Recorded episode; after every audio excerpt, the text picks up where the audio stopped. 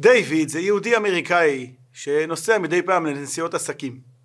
פעם אחת לפני אחת הנסיעות שלו, אה, כאן לארץ, לעסקים, הוא נכנס לסניף הבנק השכונתי שלו כדי לבקש הלוואה של 5,000 דולר.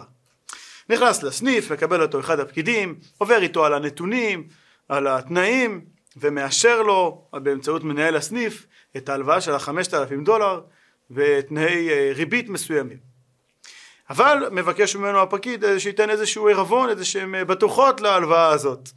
אומר דיוויד אין בעיה, פה מעבר לכביש חונה המכונית שלי, תכניסו אותה בבקשה, קחו אותה לחניון של, ה, של הבנק והיא תהיה הביטחונות. אין בעיה, הולכים ורואים שמעבר לכביש חונה שם פרארי יפהפייה ככה יקרה מאוד, מכניסים אותה לחניון של הבנק ודייוויד נוסע לדרכו, נוסע לשלום. חוזר כעבור שבועיים, נכנס לפקיד, פורע את ההלוואה בתוספת ריבית של 14 דולר ו-80 סנט ולוחץ ידיים. אבל אז מנהל הסניף אומר לו, מבקש ממנו להיכנס אליו, ואומר לו, תגיד לי באמת, מה הסיפור? למה ביקשת הלוואה של 5,000 דולר? אתה בן אדם מולטי מיליונר.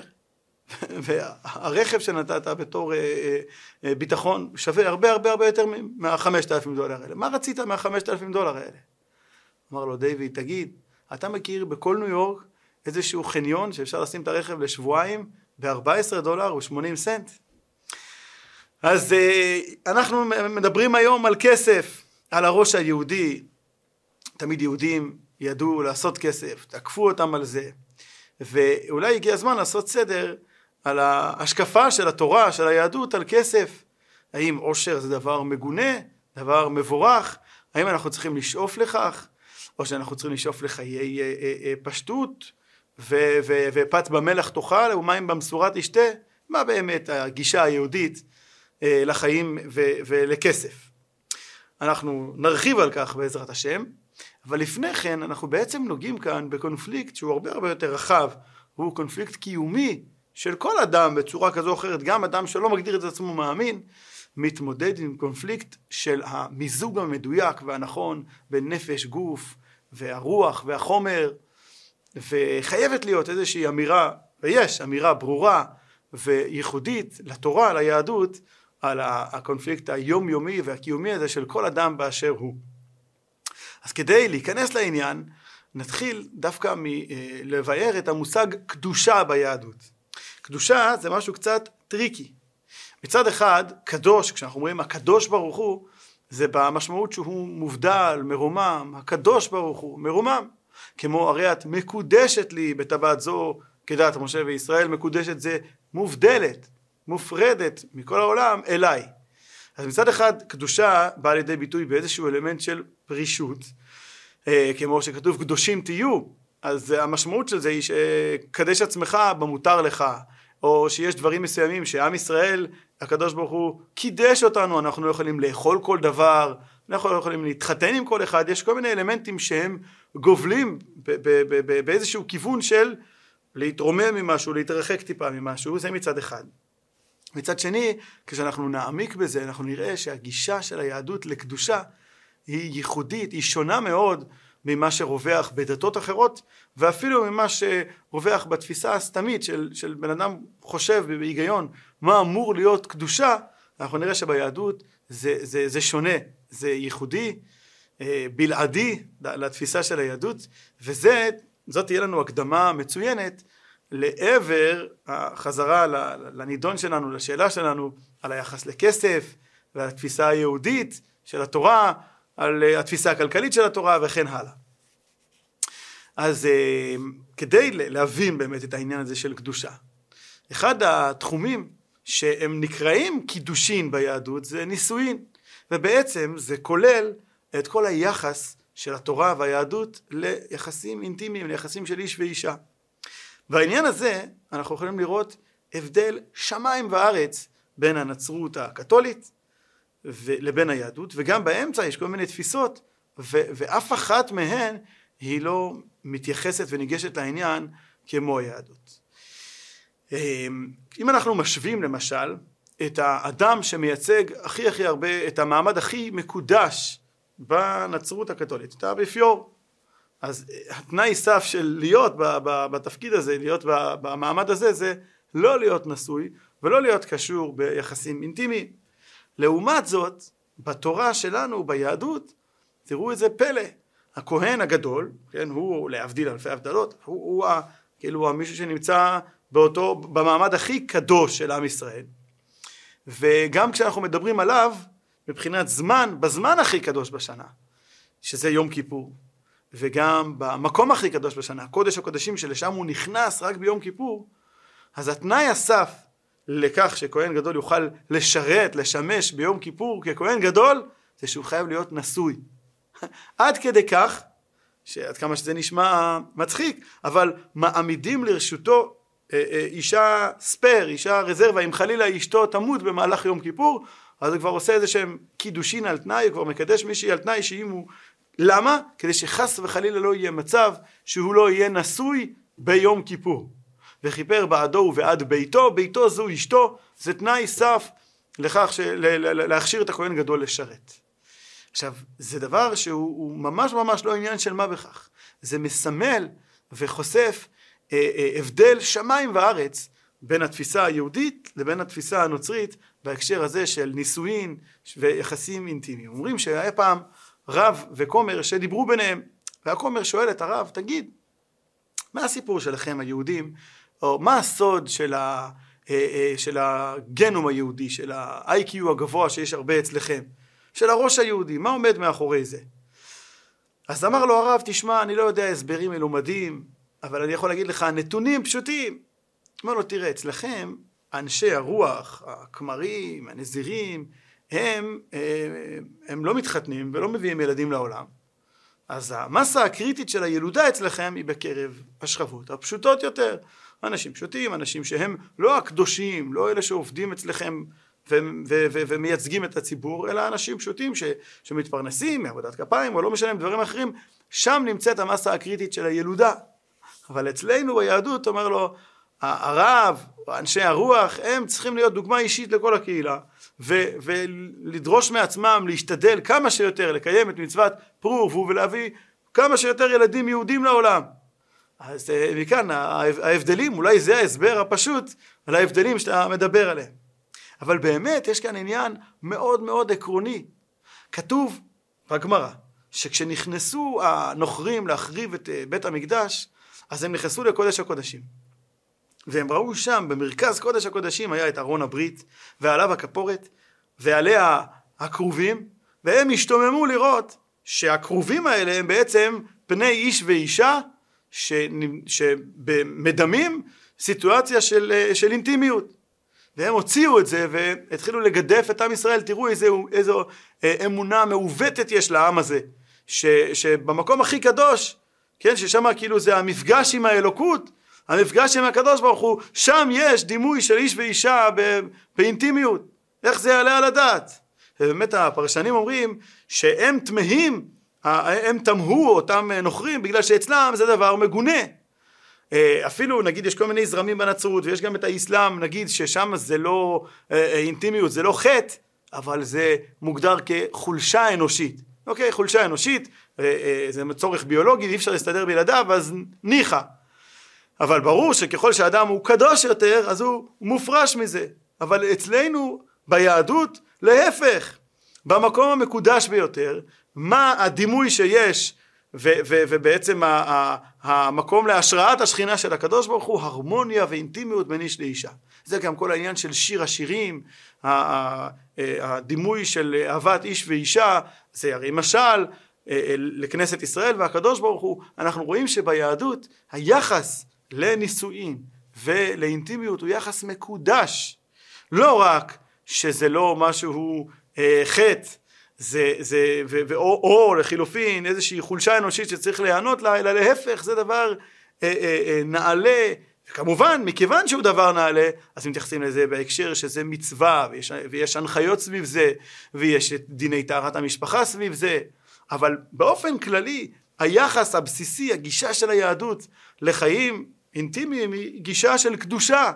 וזה הבדל שמיים וארץ בין אה, התפיסה היהודית לבין אני חושב כל התפיסות הדתיות על המושג של קדושה בהקשר של נישואין ואינטימיות. אבל זה לא רק בהקשר הזה. אני רוצה לשתף אתכם בסיפור שמספרים על הבעל שם טוב, אבל בתחילת ימיו, לפני שהוא היה הבעל שם טוב, כשהוא היה אה, נראה לעיני כל כהלך כפרי שעובר מעיירה לעיירה, מכפר לכפר, ומתרועע עם אנשי השוק, הוא היה אוהב הבעל שם טוב, לפני שהוא התגלה, לפני שהוא נחשף כצדיק גדול, הוא היה צדיק נסתר, והיה עובר מעיר לעיר, מכפר לכפר, פוגש את אנשי השוק, מתרועע איתם, דורש בשלומם, אומר להם דברי תורה ככה אה, מעוררי לבבות, בעצם בתוך זה הוא, הוא גנז סודות של התורה, אבל הוא הגיש את זה לאנשי השוק בצורה מאוד מאוד עממית, ובעיקר מאוד מאוד רגשנית, שעוררה אותם והציתה בהם את האש, את ההתלהבות של הקדושה ואהבת השם.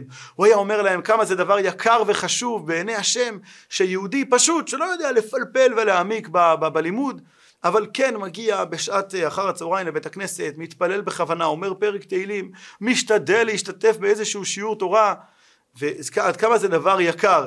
זה, זה היה אז חידוש, אבל יש לנו מביא את זה כחידוש, כי באותה תקופה היו אה, מאוד מאוד מעמדות בעם ישראל, באותם אזורים, היה את הלמדנים, והיה את הסנדלרים, את, ה, את האנשים הפשוטים, ו, והיה ממש נתק ביניהם, ואפילו התנשאות כזאת של הלמדנים על, על גבי העמך, והבעל שם טוב בא ואמר, עמך, העמך שאני אה, אה, פוגש, הנחת רוח שהם עושים לפני הקדוש ברוך הוא, במעשה הצדקה שלהם, במעשה החסד שלהם, בתפילה בכוונה שלהם, באמירת תהילים הנרגשת שלהם, זה לא פחות מכל אלה שמפלפלים ואולי בהקשרים מסוימים הרבה יותר.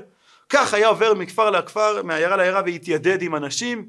והיה מעורר את הלבבות. בין היתר, הוא היה נוהג לדרוש בשלום האנשים, והיה מתמוגג מנחת מהתשובות שהם היו אומרים, היה שואל יהודי איך הבריאות, איך הפרנסה, נו מה יהודי עונה? ברוך השם, תודה להשם, משתבח שמו, הוא כל כך אהב לשמוע את זה, זה היה ממש נוהג אצלו, נוהל קבוע, לשאול אנשים מה שלומך, איך הבריאות, איך הפרנסה, ו- ולקבל את התשובות האלה של התשבחות להשם, הוא היה נהנה מזה. פעם אחת הגיע לאיזה עיירה, הסתובב ונהג ב- ב- כמנהגו, וכשהגיע לבית הכנסת, אז ככה באחת הפינות של בית הכנסת הוא רואה שיושב שם איזה בן אדם, זה כבר ככה, הוא שמע על זה מאנשים שזה הבן אדם שהיה נקרא הפרוש של העיירה. בן אדם שיושב שם כבר למעלה מיובל שנים, הוגה בתורה כל היום עטור בטלית ותפילין, נמצא בתענית, בצום רק בסוף היום, הילדים שלו מביאים לו קצת לחם ומים, הוא שובר את הצום, בשיא הקדושה, בשיא הפרישות, והוגה בתורה היה גאון עצום. הבעל שם טוב לא מתבלבל, מגיע גם אליו, ושוב הוא עדיין לא מזוהה כהבעל שם טוב, מגיע גם אליו ושואל אותו מה שלומך יהודי, איך הבריאות, איך הפרנסה, הפרוש הזה כמובן לא, לא מבין מה הבן אדם רוצה ממנו בכלל, אף אחד לא מגיע אליו ככה ופותח איתו בשיחת חולין באמצע היום הלימודים הארוך שלו, אז הוא לא ענה, אבל כשאתה חוזר עוד פעם, מה שלומך יהודי, איך הבריאות, איך הפרנסה, בשלב מסוים הוא איבד את סבלנותו, הפרוש הזה, אז הוא מסמן לבעל שם טוב, מראה לו את הדלת. אז הבעל שם טוב אומר לו, תגיד לי יהודי יקר, למה אתה גוזל מהקדוש ברוך הוא את הפרנסה שלו? אז הוא בכלל כבר התעצבן, מה זה מגיע לפה איזה הלך לא מזוהה, נראה כמו איזה כפרי, מגיע לפה, מטריד אותי בשאלות באמצע הלימוד, וכשאני לא משתף פעולה, אז הוא מתחיל להאשים אותי שאני גוזל מהקדוש ברוך הוא את הפרנסה שלו. הבעל שם אומר לו, כן, כן, כן, אני אסביר לך.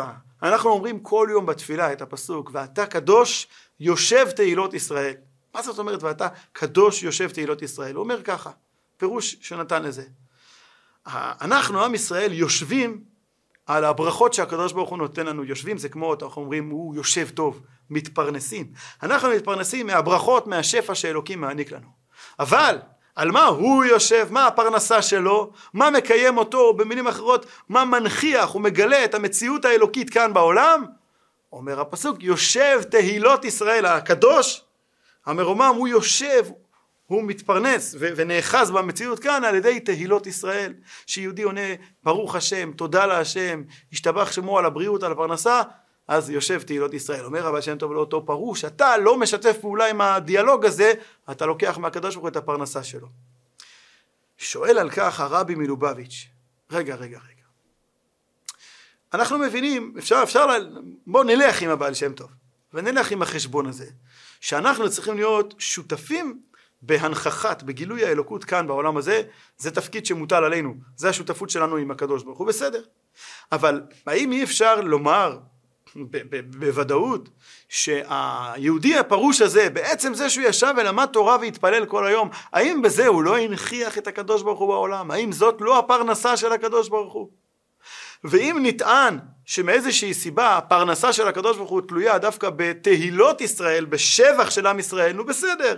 אז היה יכול הבעל שם טוב להועיל בטובו ולשאול את אותו פרוש, תגיד, יהודי יקר, איך הלימוד תורה שלך? ואיך התפילה שלך, ואז הוא היה שומע, או ברוך השם, תודה להשם, איזה יופי, אני זוכה ללמוד כאן. למה הוא לקח אותו דווקא לפינות האלה של איך הבריאות ואיך הפרנסה, כשהוא יודע, רואה שהבן אדם הזה כבר שנים לא עסק בפרנסה ולא מוטרד מבריאות, הוא יושב פה בבית המדרש מהבוקר ועד הלילה. מה עכשיו, איך הבריאות, איך הפרנסה? מה אתה רוצה? אתה רוצה שהוא יהלל את השם?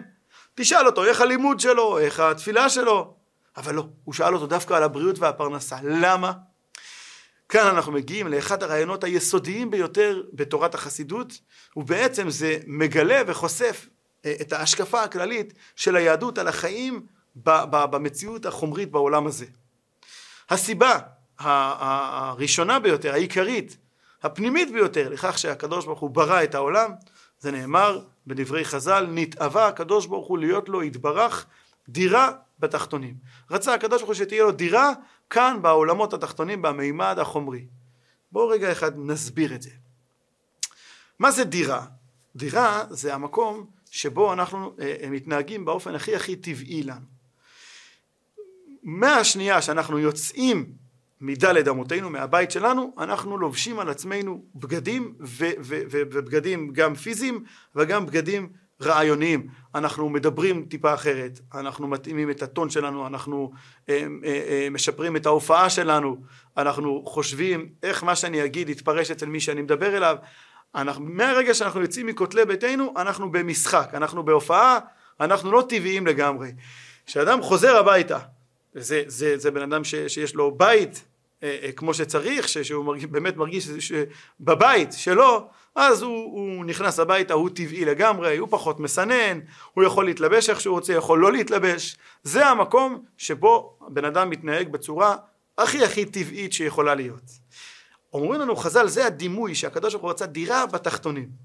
יש עולמות עליונים, יש מימדים רוחניים, יש מה שנקרא בקבלה עולם האצילות, זה מימד כזה ששורר בו ביטול מוחלט לאלוקות, הכל שם בהרמוניה, הכל שם בשלמות, זה נקרא עולם מתוקן, עולם האחדות, אבל יש את, העול, את המחוזות שאנחנו פועלים בהם, העולם החומרי, שהוא גם נקרא בקבלה עלמא דשיקרא, עולם השקר, מכיוון שזה עולם שביסודו הוא נעדר תחושת אלוקות, להפך, הנטייה הטבעית שלנו היא לחשוב אני ואפסי עוד, כאן הייתי, כאן נמצאתי, אני עשיתי את עצמי, מציאותי מעצ, מעצמי, זו הנטייה הטבעית, זו החוויה, ההוויה הטבעית של, ה, של העולם החומרי. בזה הוא חומרי, בזה הוא עולם נמוך, בזה שהוא נעדר, באופן טבעי הוא נעדר תחושת אלוקות.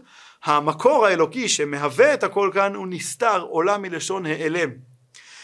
ופה במציאות הזאת נתאווה הקדוש ברוך הוא, זה התאווה שלו, זה החלום שלו, בשביל זה הוא ברא את העולם, שכאן במציאות החומרית, שמיסודה ומטבעה היא נעדרת תחושת אלוקות, דווקא כאן תתגלה האלוקות, אבל לא סתם תתגלה, תתגלה כמו דירה, נתאווה הקדוש ברוך הוא להיות לו דירה בתחתונים, דירה בעולם התחתון, שבזה הוא תחתון, בזה שהוא נעדר תחושת אלוקות, שפה אה, יתגלה הקדוש ברוך הוא במלוא הדרו, במלוא עצמיותו, זה כאילו זה, זה המקום הזה יהיה הדירה בשבילו, זה היה המצב אגב לפני חטא עץ הדת, נדבר על זה פעם, ולשם אנחנו מכוונים, זו, זו השליחות וזה התפקיד של האדם בהשקפת היהדות על פי החסידות, זה השליחות והתפקיד של האדם עלי אדמות. אומר הבעל שם טוב לאותו פרוש, עם כל הכבוד, באמת אדם גדול בתורה, אדם שישב בבית המדרש והיה אדם, אדם רוחני מאוד ומרומם מאוד, אמר לו זה, זה נפלא, זה פנטסטי, אבל אם אתה לא יכול, לא מסוגל, לענות לי על השאלה הזאת, איך הבריאות, איך הפרנסה, ולמצוא את הקדוש ברוך הוא, להלל ולשבח אותו על הבריאות והפרנסה, אז עם כל הכבוד שיש כלפיך, אתה לא לוקח חלק פעיל במשחק הזה של לעשות לקדוש ברוך הוא דירה כאן בעולם הזה התחתון. אתה לא שם. לא יכול להיות שהמפגש שלך עם האלוקים יהיה רק במימדים הרוחניים של החיים שלך. ב- בלימוד ובתפילה. ו- ועם בריאות ועם פרנסה אתה לא תתעסק בכלל, כן? לאכול לחם בסוף היום זה לא נקרא להתעסק עם בריאות או, או עם פרנסה. להתעסק עם פרנסה ועם בריאות ולמצוא את האלוקות שם זה, זה דורש מעבר לרק לאכול לחם ומים בסוף היום, זה דורש להיכנס לתוך אה, אה, ענייני העולם הזה וזה בסדר גמור שיהיו הבדלים, יש אחד שהמינון אצלו יהיה 80-20, אה, 80 לחומר, 20 לרוח, יש אחד שיהיה הפוך, אין בעיה, המינונים משתנים, לכל אחד והשליחות המיוחדת שלו בעולם, אבל בעיקרון, בהגדרה הבסיסית, המעורבות שלנו בחיים של חומריות, שאנחנו מזכחים, מעדנים ומקדשים אותם, דהיינו, מגלים בהם את המימד, את הניצוץ האלוקי, זו השליחות העיקרית שלנו בעולם, זה התפקיד שלנו. ולכן כשאנחנו מדברים על קדושה ביהדות, אנחנו לא מדברים על פרישות. פרישות ביהדות, נזיר זה דבר, זה דבר שלילי. הנזיר, אחרי שהוא היה לוקח על עצמו נזירות, הוא היה צריך להביא קורבן חטאת. כאילו לכפר על חטא, איזה חטא? חטא הנזירות. על זה שהוא מנע את עצמו סך הכל מיין ומלא להסתפר, אבל עצם זה שהוא מנע את עצמו ממה שהקדוש ברוך הוא התיר ונתן לנו, הוא צריך להביא לזה קורבן חטאת, מכיוון שביהדות אין ערך לפרישות, זה לא, זה לא עניין בכלל. הקדושה לא נמצאת באיזשהו מדבר שומם דווקא, לא צריך להתנתק מהמציאות, מההוויה הפיזית כדי למצוא את הקדושה. הקד... להפך, הקדושה היא דווקא במציאות החומרית ודווקא בניהול אורח חיים סדיר כפי שהוא, כמו שכתוב, לא לתוהו בראה, לשבת יצרה, ליישב את העולם, לשאת אישה, להביא ילדים, לעבוד לפרנסה, ליהנות מהחיים, לאכול טוב, לשמור על הבריאות, ובתוך כל המציאות הפיזית הזאת לגלות, למצוא את האלוקות, זו הנוסחה היהודית לקדושה, זו ההגדרה היהודית של קדושה. לכן אנחנו רואים שכשבני אהרון, נדב ואביהו למשל, אה, אה, אה, עפו להם בהשתוקקות גדולה, כפי שאומר האור החיים, פירוש יפה, שהמות בני אהרון היה מרוב התשוקה שלהם להתקרב לאלוקות, אבל עד כדי כך תשוקה שפרחה נשמתם, זה נקרא בחסידות רצו בלי שוב, אז אנחנו רואים שזה חטא, זה פספוס, חטא כמו להחטיא, לפספס. הם פספסו את העניין. העניין הוא בחיים ובמציאות כמו שהיא כאן בעולם הזה, רצו ושוב, ליישב את העולם, לחיות חיים חומריים ולעדן אותם, לקדש אותם, לרומם אותם, זו הנוסחה היהודית לקדושה. לכן גם אה, אה, אומרים שעקדת יצחק, הרי לכאורה מי היה הגיבור של עקדת יצחק? יצחק. הוא עלה על המזבח, הוא היה נכון להקריב את עצמו ולמסור את נפשו על קידוש השם. בכל זאת אנחנו מתייחסים לדורי דורות אה, לעקדת יצחק בתור זכות של אברהם אבינו. זה אנחנו מזכירים את הזכות של אברהם אבינו בעקדה. לכאורה, למה זה, הכוכב, הכוכב האמיתי זה יצחק. שמעתי על זה פעם הסבר יפה, שיצחק כמעט מת על קידוש השם. אבל אברהם, אם זה היה קורה, הוא היה אמור להמשיך לחיות עם הדבר הזה כל החיים. ולחיות על קידוש, על קידוש השם זה הרבה הרבה הרבה יותר נעלה מלמות על קידוש השם. עם כל הגדולה שיש בלמות על קידוש השם זה אירוע חד פעמי. לחיות על קידוש השם זה לחיות חיים יומיומיים של קדושה. חיים יומיומיים של קדושה אלה חיים גשמיים. אלה חיים עם, עם, עם, עם כל המשמעויות של זה. ושבהם אנחנו מוצאים את הקדושה ואותם אנחנו מרוממים, מקדשים, מזכחים, אלה חיים ראויים לשמם על פי, על פי התורה, על פי היהדות, זוהי קדושה, זוהי קדושת החיים. אחרי כל זה, אז אנחנו אה, אה, נרצה להבין בפעם הבאה איך איך מסתדר עם כל מה שאמרנו עכשיו הקונספט הזה שאנחנו בדיוק נמצאים עכשיו שאני מוסר את השיעור בשנה הזאת של שנת שמיטה שהיא לכאורה מאתגרת את כל מה שאמרנו עכשיו היא מוגדרת כשנה קדושה ובמה מתבטאת הקדושה? בזה שאנחנו שומטים את הידיים ופורשים מהקרקע חיים חיים רוחניים באותה שנה מתנתקים מהאדמה איך זה מסתדר עם מה שאמרנו אה, על קדושה אה, אה, בשיעור הפעם אז על זה נדבר בעזרת השם בפעם הבאה, תהיו איתנו.